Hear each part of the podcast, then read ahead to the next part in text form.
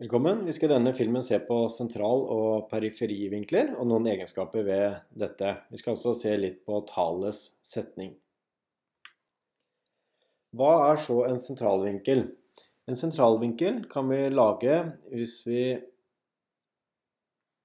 tenker oss to punkter som ligger ute på sirkelperiferien, altså den linja som danner sirkelen. Og så tegner vi en strek fra det ene punktet inn til sentrum av eh, sirkelen. Og en strek fra det andre punktet inn til sentrum av sirkelen. Da har vi en vinkel som har et toppunkt i sentrum av sirkelen. Og det kalles da en sentralvinkel. Og denne sentralvinkelen, den vil da spenne ut det vi kaller da for en, en sirkelbue. Det er altså den delen av sirkelen som er mellom disse to punktene, som er avgrenset av sentralvinkelen her sånn. En periferivinkel den har toppunktet sitt i sirkelperiferien, altså på linja ute. Sentralvinkelen har toppunktet i, i sentrum av sirkelen, mens en periferivinkel den har toppunktet sitt et eller annet sted ute i sirkelperiferien. Så her har vi det vi kalles for en periferivinkel. Altså da tar vi fra de samme to punktene til et tredje punkt som ligger ute på sirkelperiferien. Og dette kalles da for en periferivinkel.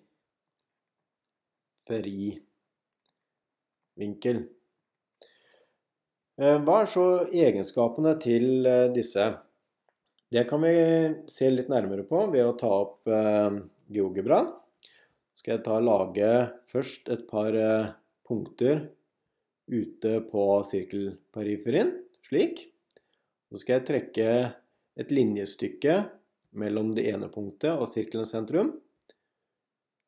Og sirkelens sentrum og det andre punktet. Det vi har her, er nå en sentralvinkel.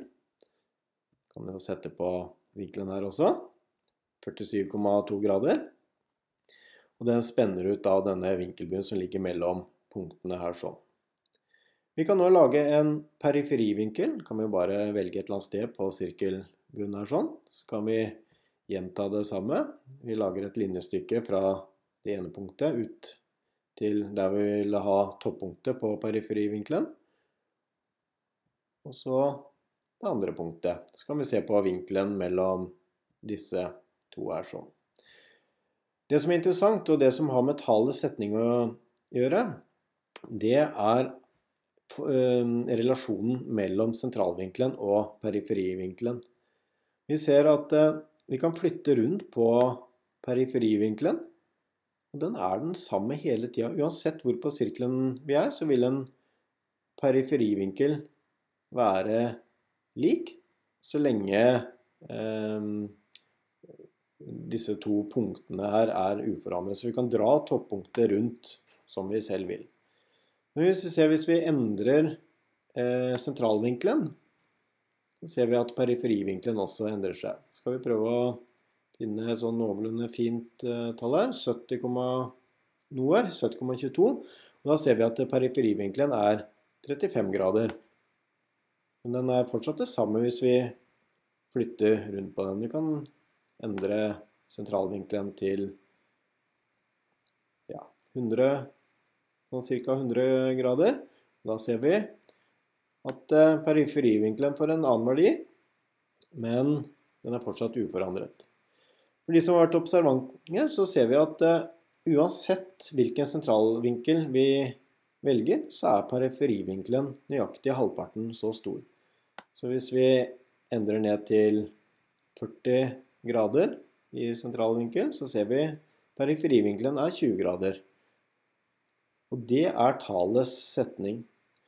Og den talets uh, setning, den sier uh, som følger at en periferivinkel som spenner over en bue på 180 grader Skal vi se hva det betyr. Der har vi en periferivinkel som spenner over en bue på ja, ca. 180 grader, den vil være 90 grader. Og det ser vi stemmer. Og det er altså da uansett hva den vil være. Den endrer til 270 grader, men det er jo da minus 360 grader minus eh, 90. Så det er tallets setning. Så Mer generelt så kan vi si at eh, når en periferivinkel og en sentralvinkel i en sirkel spenner over den samme sirkelbuen, er sentralvinkelen dobbelt så stor som periferivinkelen.